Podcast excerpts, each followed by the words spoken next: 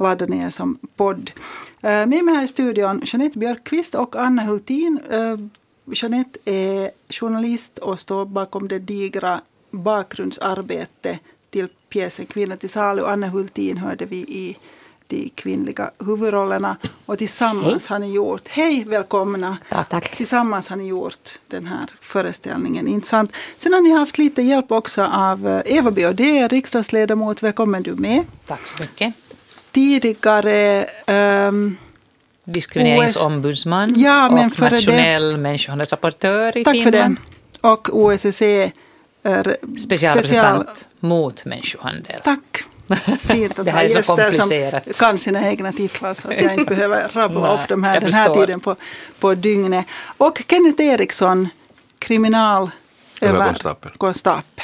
Du kunde också din titel. Hjärtligt välkomna alla fyra. Jättefint att ni är här. Jag heter Jessica Idén och eh, vi vill gärna att ni där hemma är med oss ikväll också. Och det är ni genom att gå in på vår chatt som är öppen på svenska.yle.fi.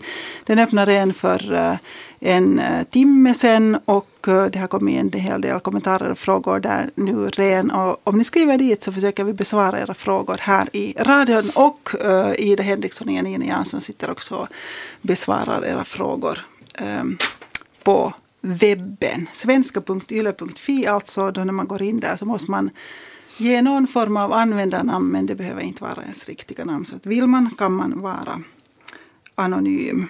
Kenneth uh, jobbar alltså med uh, organiserad brottslighet och är vad jag har förstått den största äh, experten inom poliskåren på människohandel i Finland. Är det så? Egentligen är du alltså på jobb. Kul, ja. ja. Så att, vad händer nu? Du har liksom tagit en paus i i vadå? Du, nu, nu springer de lösa bovarna? Nu springer de lite lösa nu just men att månne inte vi hinner efter det här spränga fast dem sen. Men alltså du är på riktigt på jobb så har du kommit in hit i, i studion och så ska du sticka här vid elva tiden ungefär. Jo. Vi andra kanske håller på lite, lite längre. Vad, vad är det du, vem jagar du ikväll? Det är helt sån här utpressare. utpressare. Ja. Får jag ta över här nu när du pratar så mycket om, om Kenneth här. Alltså det där orsaken säkert till att vi sitter, ja, sitter i den här studion är det att då när vi gjorde den här pjäsen så, så blev det så här tredelad. Jag hoppas att, att många har lyssnat på den och de som inte har lyssnat på den kan lyssna på arenan eller som podd.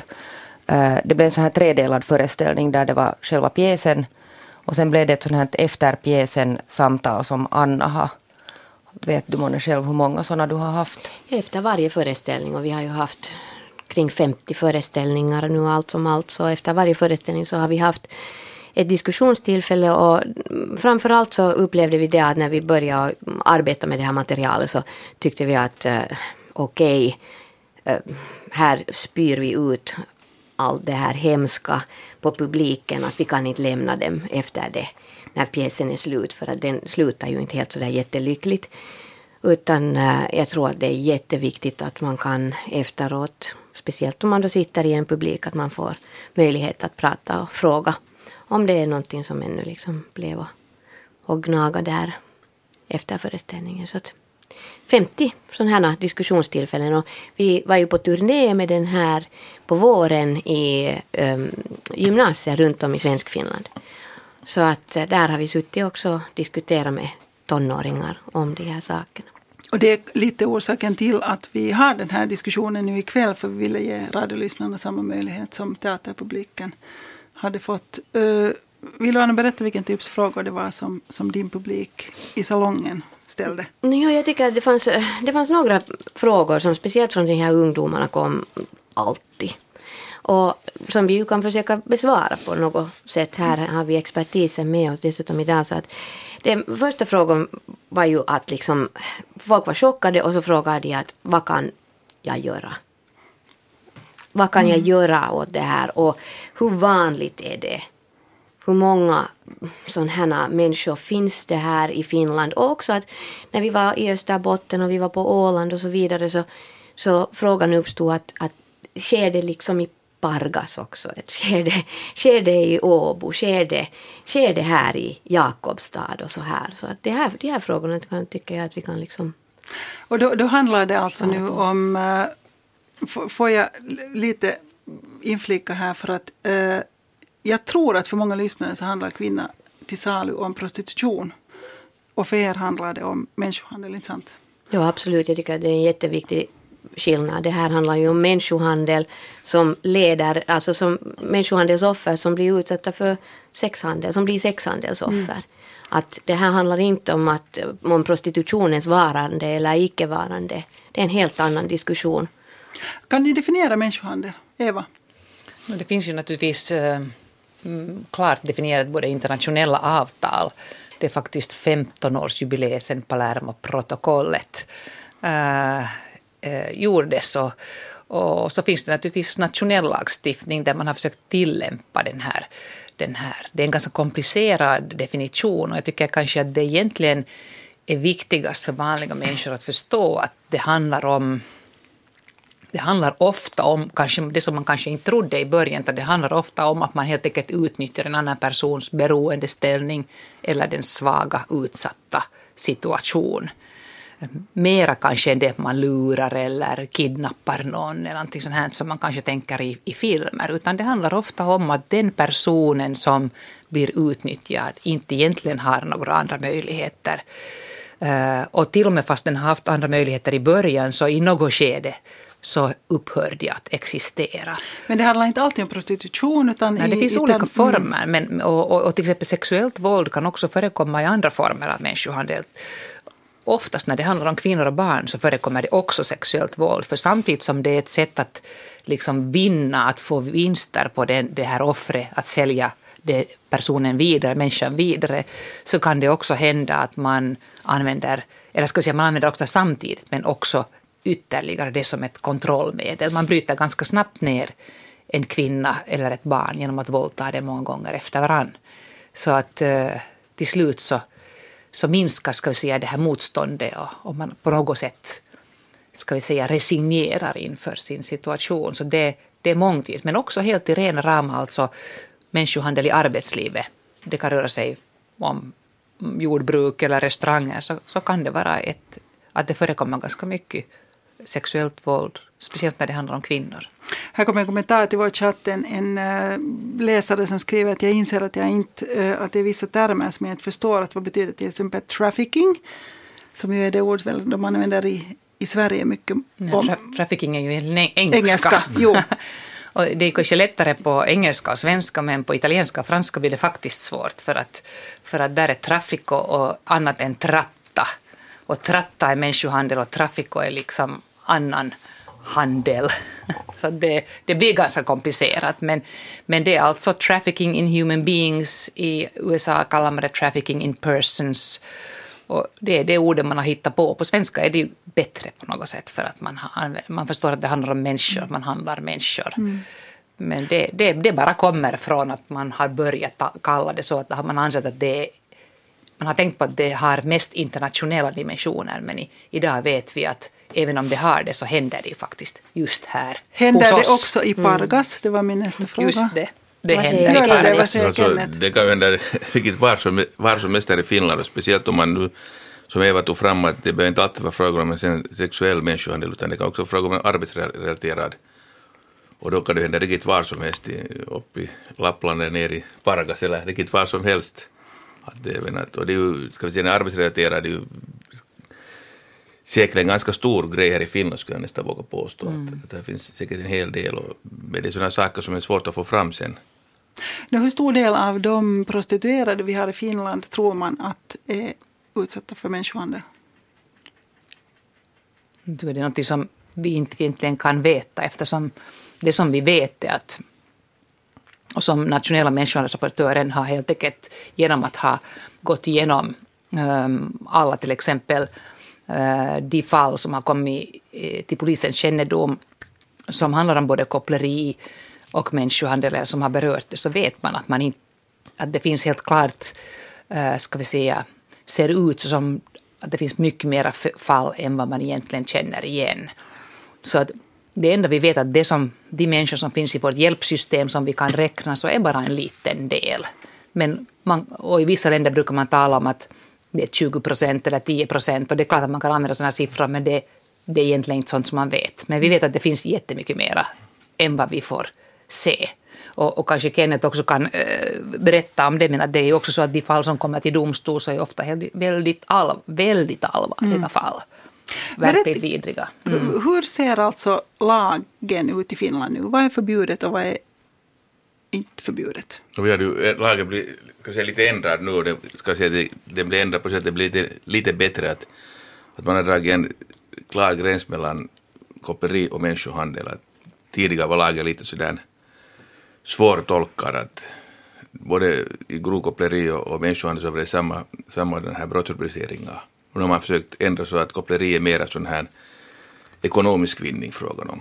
Närmast om någon hyr ut bostäder och liknande, det är närmast frågan, då frågar om koppleri och sen direkt när det övergår till en, att man utnyttjar den här människan eller, eller använder hot och liknande så då går det över direkt till människohandel och det är betydligt lättare och klarare nu. Jag skulle tro att i fortsättningen till och med så, så har domstolen mycket lättare sen att också döma för vad heter det, människohandel. När det är riktigt klar gräns på att vad, som är, vad som är koppleri och vad som är människohandel. Mm. Tidigare var det svårt. Men det, det som kanske kan tilläggas är att båda är ju faktiskt olagliga. Jo, jo. Mm. Att det, om man tänker ur, ur till exempel sexköparens mm. synvinkel, om man tänker sig att det kanske finns någon sån eller presumtiv eller om man bara föreställer sig så kan man säga det att, att både att köpa ett offer för koppleri och ett offer för människohandel är båda olagliga.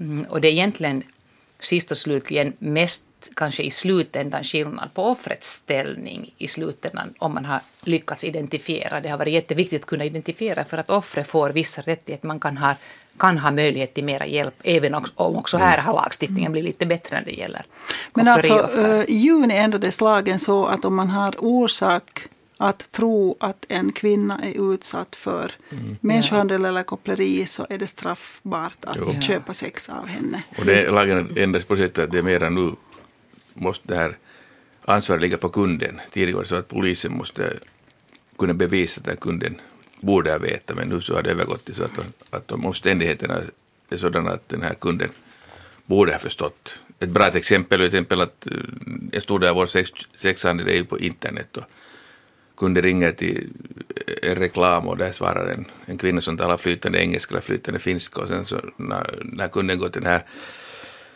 prostituerade och hon är helt kan inte något språk så då borde kanske kunden börja förstå att här finns en tredje person involverad i det här och det är ju riktigt sån här typisk enkel att då kan man ju bevisa att, mm. att, att han, vad heter det, borde ha kunnat förstå att det är frågan om en andra människor med i den här grejen. Jag tror att det är viktigt att påpeka ändå här i det här skedet att prostitution i Finland är lagligt och att också att köpa sex är lagligt. Men dock inte av kopplerioffer eller människohandelsoffer.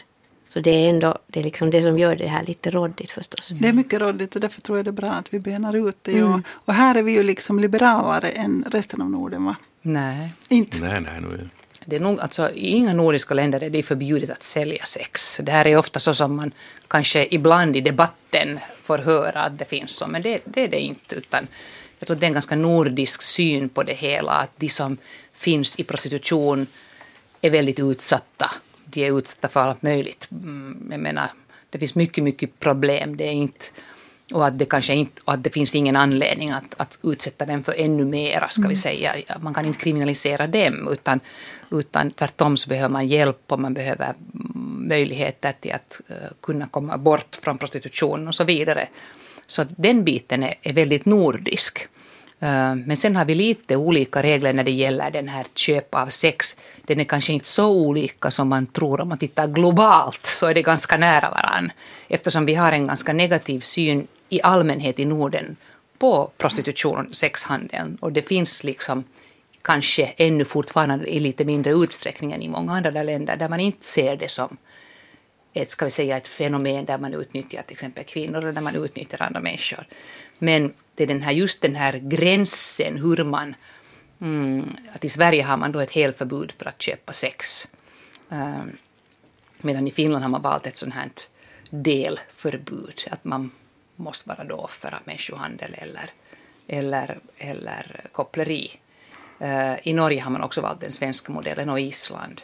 Och till exempel i England så har man också gjort lagstiftningen men där är den här beviströskeln ännu ska vi säga, lägre.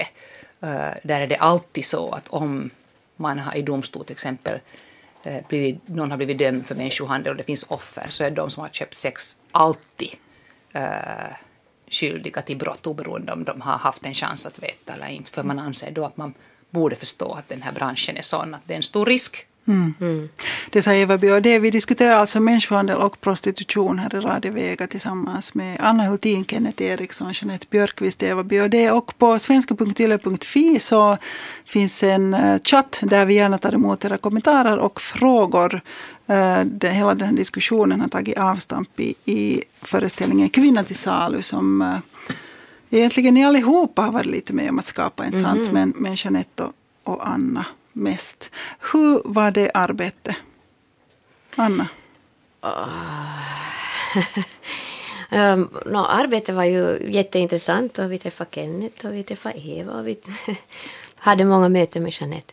Och arbetet var så tillvida jätteintressant för man fick ju gå in och bena i någonting som, som jag inte kände till så jättebra från förut. Och, och ett jätteemotionellt arbete både Jeanette också och jag, vi kan säkert båda skriva undan att det är många, många gånger vi har suttit och gråtit över de öden som vi har tvingats ta del av, men samtidigt så har vi upplevt att det har varit en otroligt viktig sak att ändå lyfta fram, att orka lyfta fram det, för att vi måste ju ändå bara berätta om det, vi behöver inte uppleva det själva. Så att det är en mm. stor skillnad. Mm. Hur var det Jeanette för dig som faktiskt gick och träffade de här kvinnorna och var ute på det, där, det här arbetet med pjäsen så var det mer det att jag satt med mina rättegångsprotokoll och, och tankar kanske lite för mycket material i mig.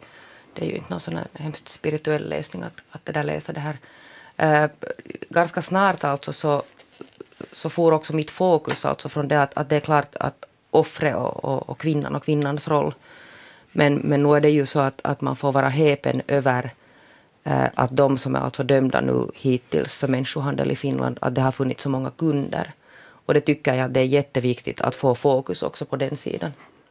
Att det är ju liksom ingalunda... Det var faktiskt första gången som man så här tydligt tog fokus just på köparen. Mm. Ja, för det är ju nog liksom en, en helt central sak, det tror jag. Att... Vem är köparen då? Mm. Ja, man vet ju inte så mycket om den här köparen. Det har ju liksom gjorts för väldigt länge sedan en sån här eh, eh, någon sexuell hälsa undersökning där man alltså som en delfråga undersökte också hur många som har köpt sex. Men det finns inte liksom något. Och sen gjorde den här Stop Traffic, eh, den här EU, det var, jag tror att det var fem EU-länder som var med i den. Och, och, och Monica Naiset gjorde den i Monica Finland. Naiset i Finland också. Och av de som svarade där så var det 208 som uppgav att, att de hade köpt sex eh, Monica Naiset försökte få sådana kvalitativa intervjuer med någon av de här 208. Det är ju alltså ingen vetenskaplig undersökning, det ska ju understrykas. Och inte en enda ställde upp och det tycker jag nog att det är ganska intressant att, att inte ens med total garanti på anonymitet så kan man sätta sig ner och börja motivera den här rätten att köpa sex. Och då vet vi ju ingalunda att, att har någon av de här 208, det vet vi inte, kan man inte veta, att har någon av dem köpt eh, sex av någon någon kvinna som har varit offer för någon form av sexuellt våld.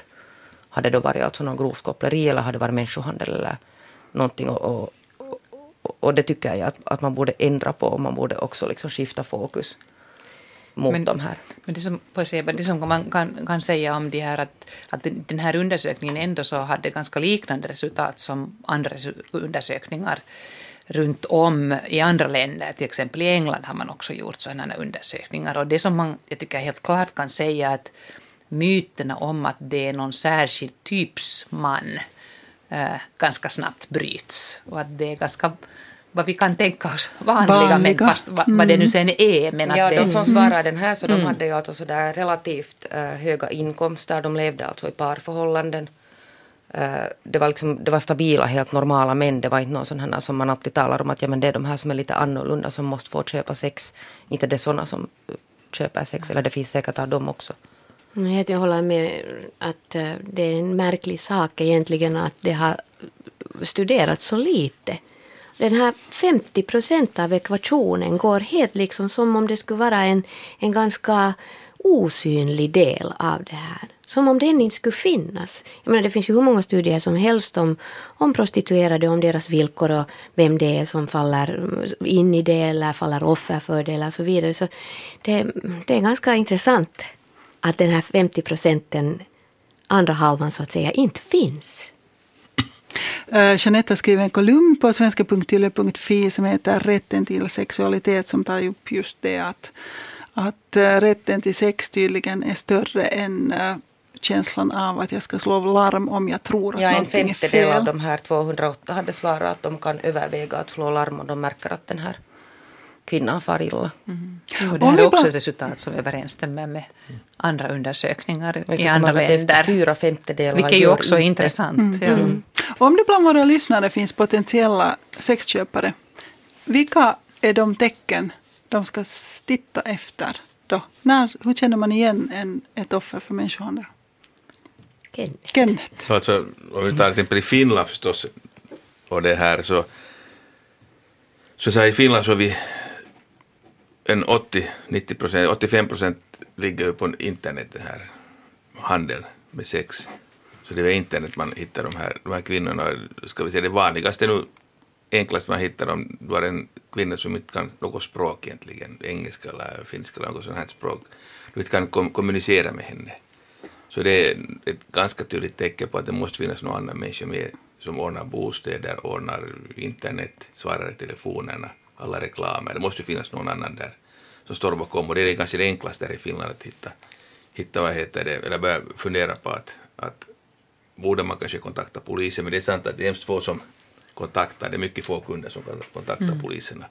Om de gör det, va, va, alltså hur gör man då om man ser någon som man vill hjälpa? Det är ju alltså, jag menar, inte är du straffbart om, jag menar, om du är på väg till en, eh, att köpa sex och sen märker du före du börjar ens göra något med henne och backar under och, och ringer till polisen så in, in, inte, har vi, inte har vi något intresse att då börjar förstås att bestraffa honom utan det är förstås mycket bättre att få veta om det här. Att ja, man, den, man behöver vara rädd för det. Han råkar inte illa ut. Och, och kanske det också att när man talar om det här samtidigt så ska man komma ihåg att människohandels, liksom brottslingen, människohandlaren, så det är ju naturligtvis ett, ett jätteallvarligt brott. Medan den här sexköparen i strafflagen även om man kan tycka att det är fel eller rätt eller, eller eh, vad som helst omoraliskt eller, in, eller, eller okej, okay, så är det ju så att det ändå inte har ett väldigt strängt straff. Det är ett litet liksom, brott, så att det är inte i förhållande överhuvudtaget till, till det att man tänker på att då människohandlaren har utsatt offret för fara. Men det är säkert att det är lite skamligt. som en parkeringsbot, mm. även om man har stora inkomster så kan det kanske bli en lite större parkeringsbot. Mm. De kvinnor, alltså... För det första, varifrån kommer de nu som finns i Finland? Vilka länder? Då vi har så otaliga mängder.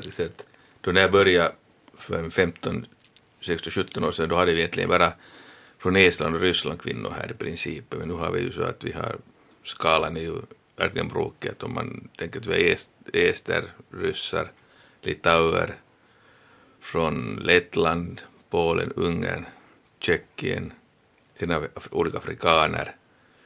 Sen har vi, vad heter det, och de ofta från Italien och Spanien kommer, de människorna. Och de som styr dem sitter här eller i andra länder? Eller det, är, det, är, det är det problemet som, som Eva tog lite fram, att det, i dagens läge när, när vi lever i en sån här värld med internet och liknande, så förr i tiden måste den här sutenören komma till Finland med flickan och övervaka henne. I dagens läge behöver inte komma med. Och där ligger problemet för oss, för att det finns en hel del prostituerade här som vi vet med säkerhet att de har någon slags sutenörer eller människohandlare bakom dem, men de är utomlands. Och det är hemskt svårt att sen kunna få tag på de människor som står bakom, bakom det här.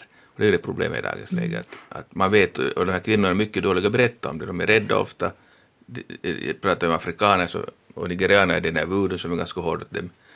Jag berätta, vad, vad är det riktigt det finns i, i ert jag tror att Eva alltså, alltså, vet I, I pjäsen också. I pjäsen ja, finns det ganska det. bra, men alltså det här är ju någonting sånt som har för, vi har vetat om i åratal. Alltså det, var, det är någonting som man, egentligen kanske polisen i Italien kanske var de första som helt enkelt började se de här systemen. Men det är helt klart att det handlar om att någon eh, helt enkelt uh, ut, man, liksom, man sätter spell on somebody, vad heter det? Man, förbannelse. förbannelse, någon slags sån här. Trolldom. Och, och, och det, det, det är ju det att i våra ögon så känns det väldigt kanske till och med lite fånigt, men alltså det är alltså en verklig sak för de här som utsätts för det. kan vara man gör det på jätteolika sätt. Det kan vara att man tar en liten hår, ett eh, tofshår eller någon, någonting annat av, av offrets ägodelar och kanske sätter det någonstans antingen i, eh, på hemorten eller någon annan som förvaltar det. Och, och det är bara då en sån här voodoo-präst också som kan helt enkelt lyfta av den här,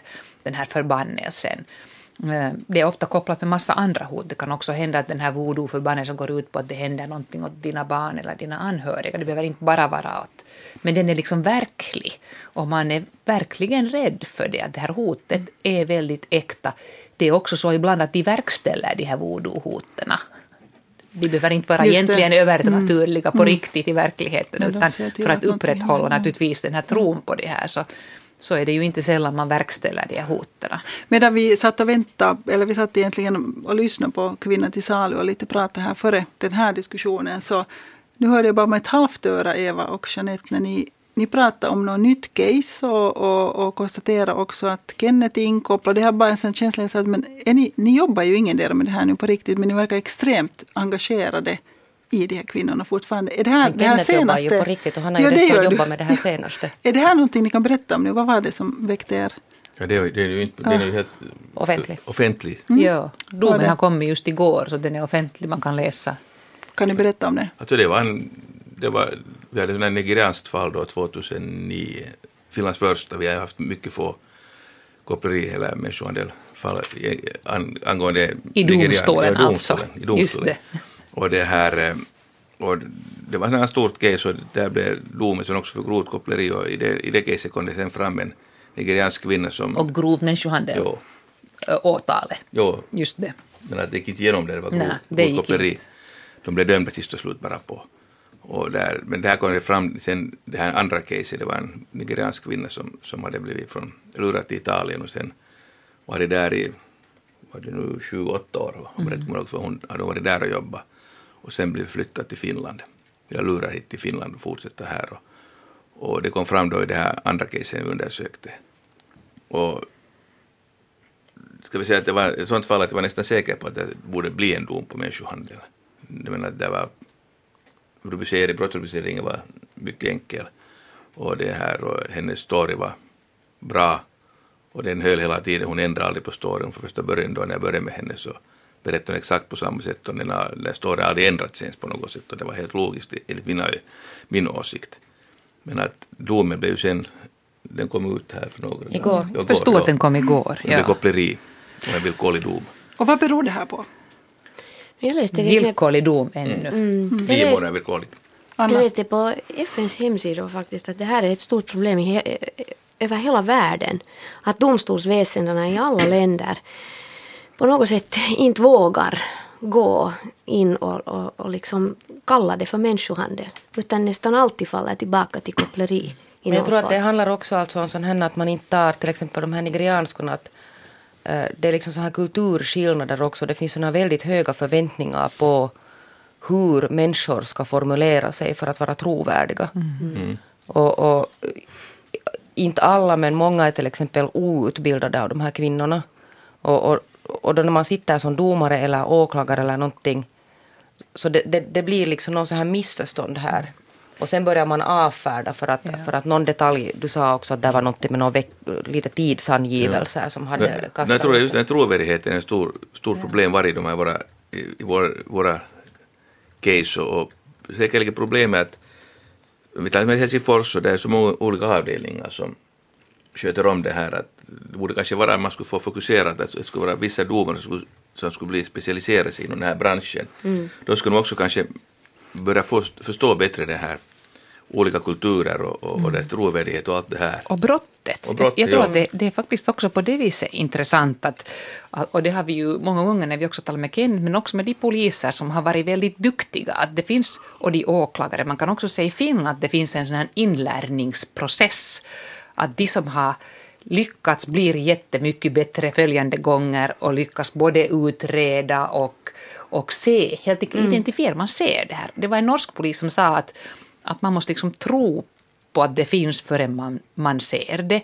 Mm. Vi kallar det också, när man, vi brukar lära ut om vad människohandel säger man att, att en av de svåraste motstånd motståndarna är helt enkelt det som vi har mellan öronen, att det finns en sån här culture of disbelief, att det är jättesvårt att tro på att det finns någonting så här hemskt.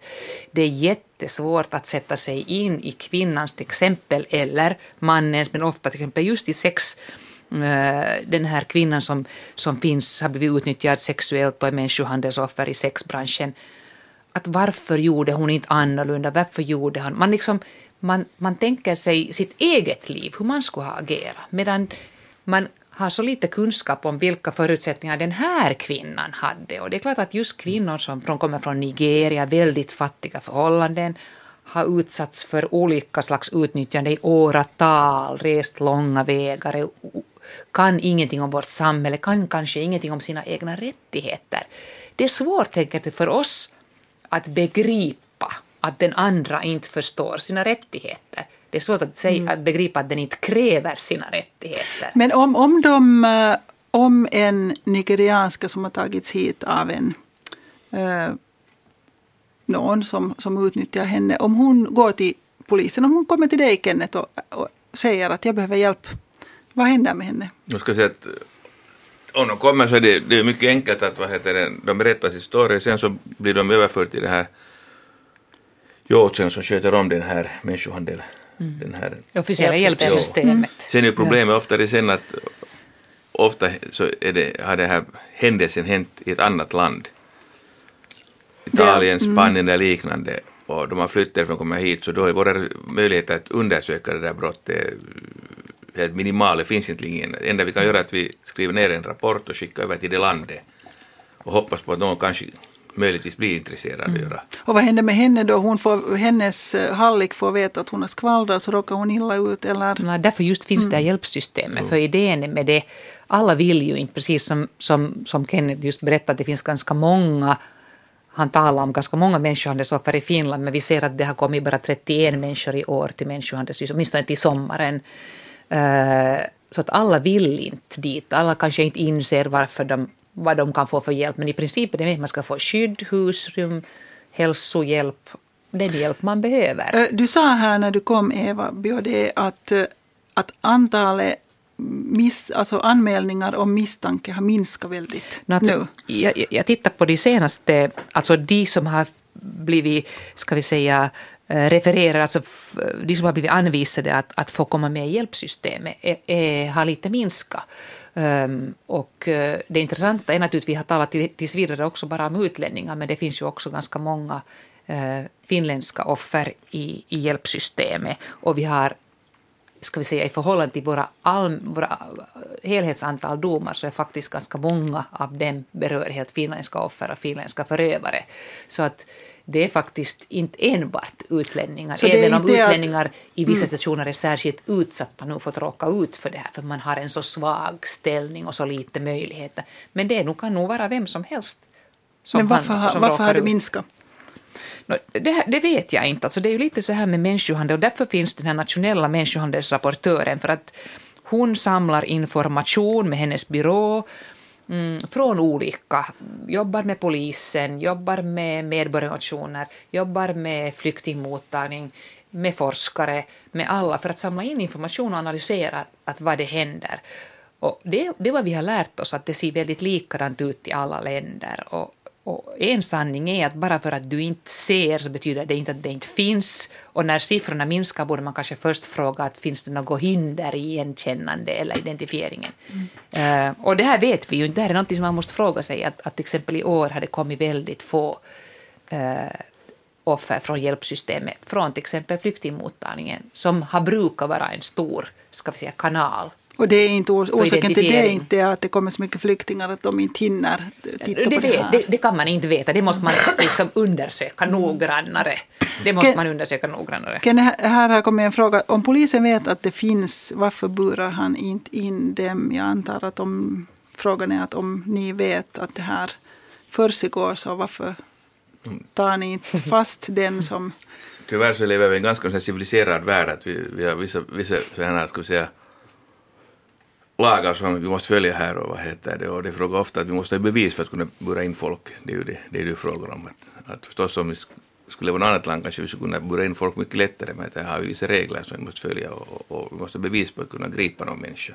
Jag läste det reportage som Jeanette hade gjort med dig här i, i våras, inte sant? Och det var ganska många eh, som ni träffade där ni liksom eh, visste, drog slutsatsen att de var offer för koppleri eller människohandel men eh, det liksom fanns inga bevis för det, det var bara en sån känsla att, det är att det. Som Eva tog fram här, just att varför det har minskat så en stor del av våra offer som kommer nu är ju att de åker direkt, kommer till Finland, nigerianerna och meddelar att de behöver hjälp. Men det största problemet skulle ligga, som jag, som jag ser nu, just det att, att kvinnor som jobbar i den här branschen, som jobbar här i Finland redan, i den här branschen, det är mycket lite därför det kommer folk som, vill, som söker sig till hjälp. Och det är lite konstigt mm. att det finns säkert också offer. Och som jag sa, att när vi med Jeanette ute och promenerar på kvällen där, så jag menar att vårt jobb bygger på att vi är på fältet. Och typ jag känner nästan alla som jobbar här i Helsingfors. Vad tycker de om dig? No, alltså inte vi vänner, det kan man inte, vi kan inte vara vänner på det sättet, men att det är ju sån här, under årets lopp har man byggt upp en viss slags sån här förtroende, mm. att de, de, de vågar komma och berätta och prata med mig. Men inte, inte, inte, kan vara vänner, men att jag är polis och de jobbar på annat sätt, men att man måste ju respektera också att de är helt vanliga människor och de har samma behov att få hjälp som alla andra människor här. Så, men att det är ju, och jag träffar mycket av de här prostituerade som behöver råd och liknande, det är massor av saker. Och, och i många så ser man ju nog att, att, att allt står inte riktigt bra till med dem. Mm. Men att vi kan ju inte tvinga en, en, en kvinna att, att gå med i ett sånt här. Nej, och sen tycker jag det där faktiskt att Kenneth hade en ganska bra poäng då när vi var ute och gick. Och det ser ju ganska eländigt ut i, i många av de här lokalerna. Och, och de bor alltså under ganska gräsliga förhållanden och, och mår säkert inte bra. Men sen är liksom, kommer ju frågan in också att vilken är då polisens roll? Att, att där finns också den här sociala biten, att, att man borde egentligen traska omkring med socialarbetare mm. för, att, för att polisen är trots allt alltså den som utreder brott. Mm. Men och, det, och det borde vi ju ha mera, förlåt Anna, jo, det borde vi det, ha mera ja. av. Och, och till exempel i Tammerfors så finns det socialarbetare som, som gör sånt här sökande arbete, men ganska lite. Men jag, jag vet inte hur mycket det finns jo, faktiskt. Det, det, nog, det, håller nog med på att det, det håller nog med på att det skulle vara ganska bra för att, jag menar, att när vi rör oss och, och träffar folk så vårt jobb är att se till närmast att har en koll på vem som jobbar här, allt är OK med dem och, och vad heter det, försöka se, hitta att jobbar de för någon eller har de betalat några avgifter till vissa människor. Men förstås ser vi det ofta att de här människorna borde kanske få hjälp någon annanstans ifrån. Att, att vi är, vi är, jag är en fel person som ska börja sköta mm. sociala sidan. Det är inte, jag är inte en sån skolning ens. Och, mm. och, vad heter det, och där borde man få fram att man borde få sociala mm. eller socialarbetare mm. som jobbar på fältet. Så, så kräver det också helt fruktansvärt mycket resurser för polisen att utreda ett fall. Att, att eh, det, är, det är ju det att, att det är ju inte ett brott som andra brott. Det här är kanske också någonting som polisen i Finland berättar att man har liksom insett och som, vi har, som när vi har utrett det här att det, det är inte man måste jobba med offret ganska lång tid för att få dens förtroende att, den här, att hon eller han berättar hela liksom berättelsen. Och medan i andra brott så, så stöter det ju ofta direkt på du liksom hittar knark eller mm. droger mm. eller, eller något stöldgods. Du vet att det här är ett brott direkt, men ingen kan veta. Man, hit, man ser ju så indikationer på att man är utsatt, man kan inte språk, man vet inte var man är, man har problem, man kanske har barn, man är liksom illa däran. Men för att riktigt kunna bevisa den här brottsliga så måste du kunna reda ut allt.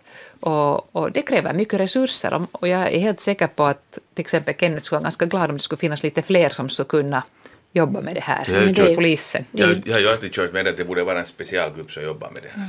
Sen Eva, när du kommer med i regeringen nästa gång så då kan du se till att Kenneth får pengar. Anna? Nej, vi hoppas bara att det finns lite mer resurser för det är ju det det tror jag faller på, att vi inte har resurser. Mm. Och också Monica Naiset som, som jobbar med de här offren så klagar också. Det finns inte liksom resurser för uppsökande verksamhet mm. heller. Men det är också, och, och hos polisen, det här med resurser tänkte jag ännu bara säga att, att naturligtvis eh, polisens resurser är alltid säkert för knappa och det, och det är mm, säkert mm. så vi har ganska lite poliser i, i, i Finland jämfört med många andra länder. Men, men naturligtvis nu är det också så att man borde kunna inom polisen granska att också till vilka vilka, vilka slags brottslighet satsar man på? Mm. Och var riktar man resurser? Att inte det är ju alltid helt objektiva hur man värderar olika brott. Och, och min erfarenhet är att, att det är helt enkelt så att brott som riktar sig oftare mot utlänningar eller mot väldigt utsatta människor så, så det är ganska sällan som politikerna skriker att vi behöver skydda dem mera. Mm. Mm.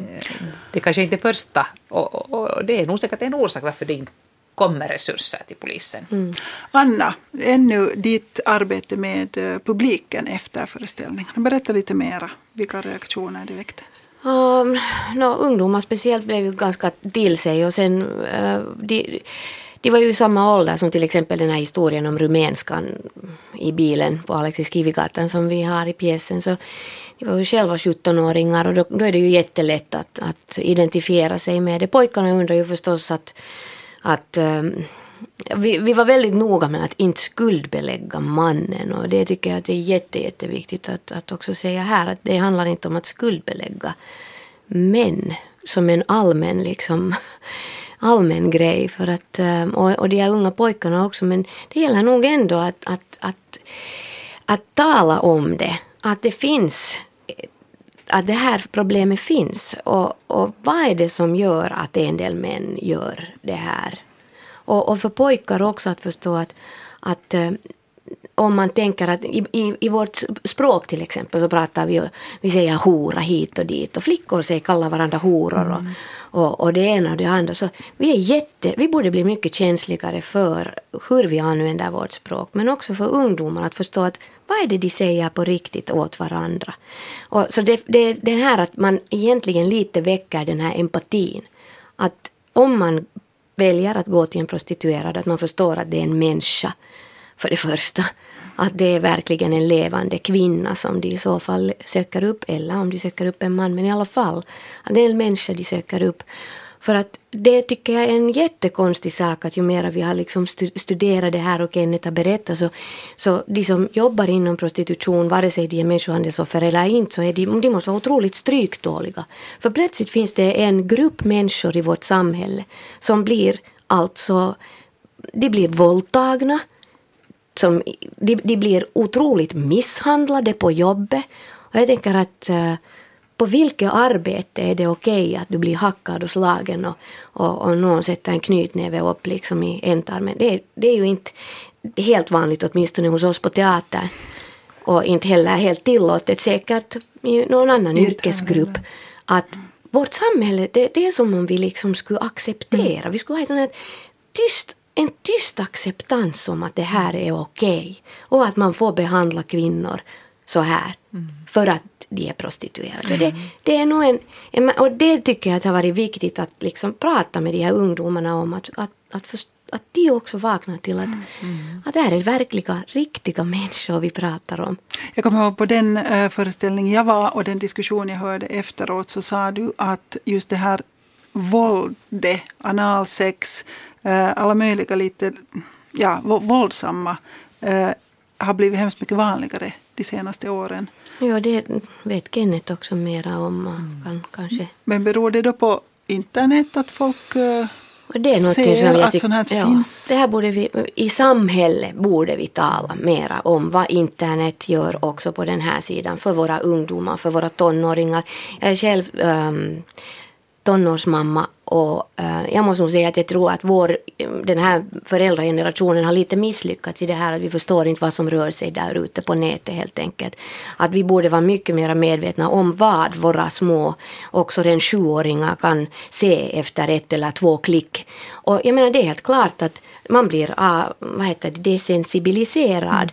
Det var en stor artikel för ett år sedan i Expressen eh, från, i Sverige att unga män inte, inte mera kan ha vanlig sex om, man nu, om det finns vanlig sex men liksom en kärleksfull normal eh, vanlig sexrelation till sin partner för, för de klarar bara av att komma att ha få orgasm om, om de tittar på extrem hård sex från internet. Och det betyder ju att det föder ju sen en lust att göra det på riktigt. Och så det föder en, en helt ny sak att, att, att det är unga män också nu som söker sig till prostituerade till, som då kan vara människohandelsoffer. Och det, det, det här är ju någonting som är ganska oroväckande, att det växer upp helt nya nya pojkar, och, nya män mm. som, som liksom ser det här som en möjlighet. Skrämmande, jätteskrämmande och ställer då andra krav eller förväntar mm. sig andra saker än... Jag, jag, jag, tror att det är jätteviktigt också hur vi vuxna talar. Ja. Uh, alltså den här världen är ju svår att stoppa. eh, hela internetvärlden. Och ja, det är klart att det här är lukrativ business, det säljer väldigt bra. Men det är viktigt att veta att också i porrbranschen finns det jätte, jättemycket människohandel. Att det är inte Precis. så att det bara handlar om om prostitution som, kan, som innehåller människohandel och våld, utan också den här porrbranschen och den är blandad och så vidare. Man kan absolut inte veta. Och, och naturligtvis ju våldsammare desto större eh, ska det säga, risk har man att tro att det inte är helt, att det är inte helt okej okay. och att det finns stora, stora vinster hos brottslingar, eh, både när det gäller barn, mm, prostitution och så vidare och våldsam det är också viktigt att veta att, att jättemånga i prostitution som, som hamnar där har alltså hamnat där redan som minderåriga. Mm. Och, uh, och, att, eh, och barn alltså. Så att det är liksom det här, det här att hur man, hur man väljer och hur man inte väljer är också viktigt tror jag för oss att veta.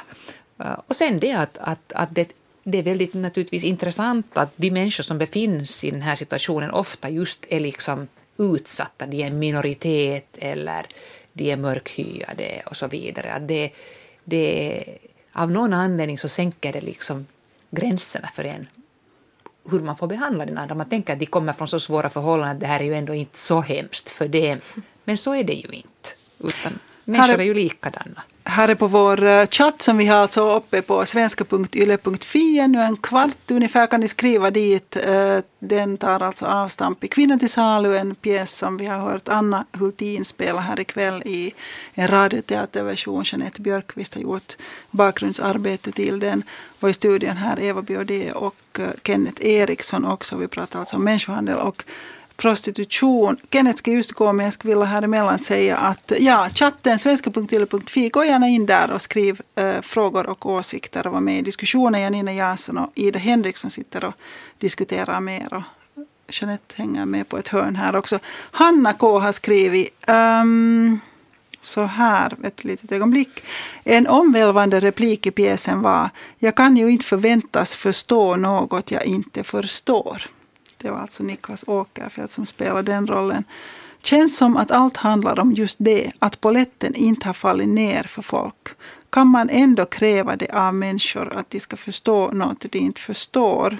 Och hur får man någon att förstå? Tycker den här pjäsen plus diskussionen är ett bra steg på vägen. Och sen eh, fortsätter hon, men tänkte speciellt på männen. I pjäsen var det en man som sa mm, jag kan ju inte förväntas förstå något jag inte förstår. Ja. Vad säger ni åt Hanna? Det som jag vill säga kanske det är att, att äh, människohandel är uppbyggt på det viset att det är inte meningen att du ska se att det är människohandel. Det skulle inte kunna överleva, så det är liksom inte ditt fel att du inte ser det. Eh, också offret måste se glad ut för annars så, eh, så, så får inte hon klienter och, och, och, och, även om hon kanske inte är lycklig och glad. Att det, det är omöjligt. Och därför är det så viktigt att veta om den här, att det existerar, för bara då kan man liksom bestämma sig hur man förhåller sig. Vill man medverka eller vill man inte? Eh, du kan inte veta vem som är offer för människohandel eller inte. Klart, ibland så kan du se det helt tydligt, men oftast inte. Eller vad tycker du, Kende? Men alltså det, är ju, just, det är sanningen det att i dagens läge, man, om man tittar på det prostitutionen hur det är uppbyggt, så det är ju det att ofta när kvinnan jobbar ensam i en bostad de här sutenörer människohandlarna, inte de där och övervakar på det sättet. Man kan övervaka människor i dagens läge på helt annat sätt, genom hot och på annat sätt. Och, och, och, Voodoo, hårtofsar. Och, och den, flick, den här kvinnan hon måste ju verka glad. Det är ju det, jag menar att hon, hon måste få kunder, hon måste få in pengar och, och är hon bitter och sur så får inte hon kunder. Så mm. hon måste spela rollen som vad heter det, de, de vill att de ska spela. Kenneth, är det så att du, du måste alltså gå nu och jaga andra minuter. skurkar några minuter? Eh, kan du ägna dem några minuter och berätta hur anser du att situationen borde vara i Finland? Vad borde göras för att de här kvinnorna... Eh, hur, förresten, är det liksom bara kvinnor vi pratar om nu eller finns det män också bland de här? Nu skulle jag säga att det är mest kvinnor kan man prata i dagens läge i Finland. I.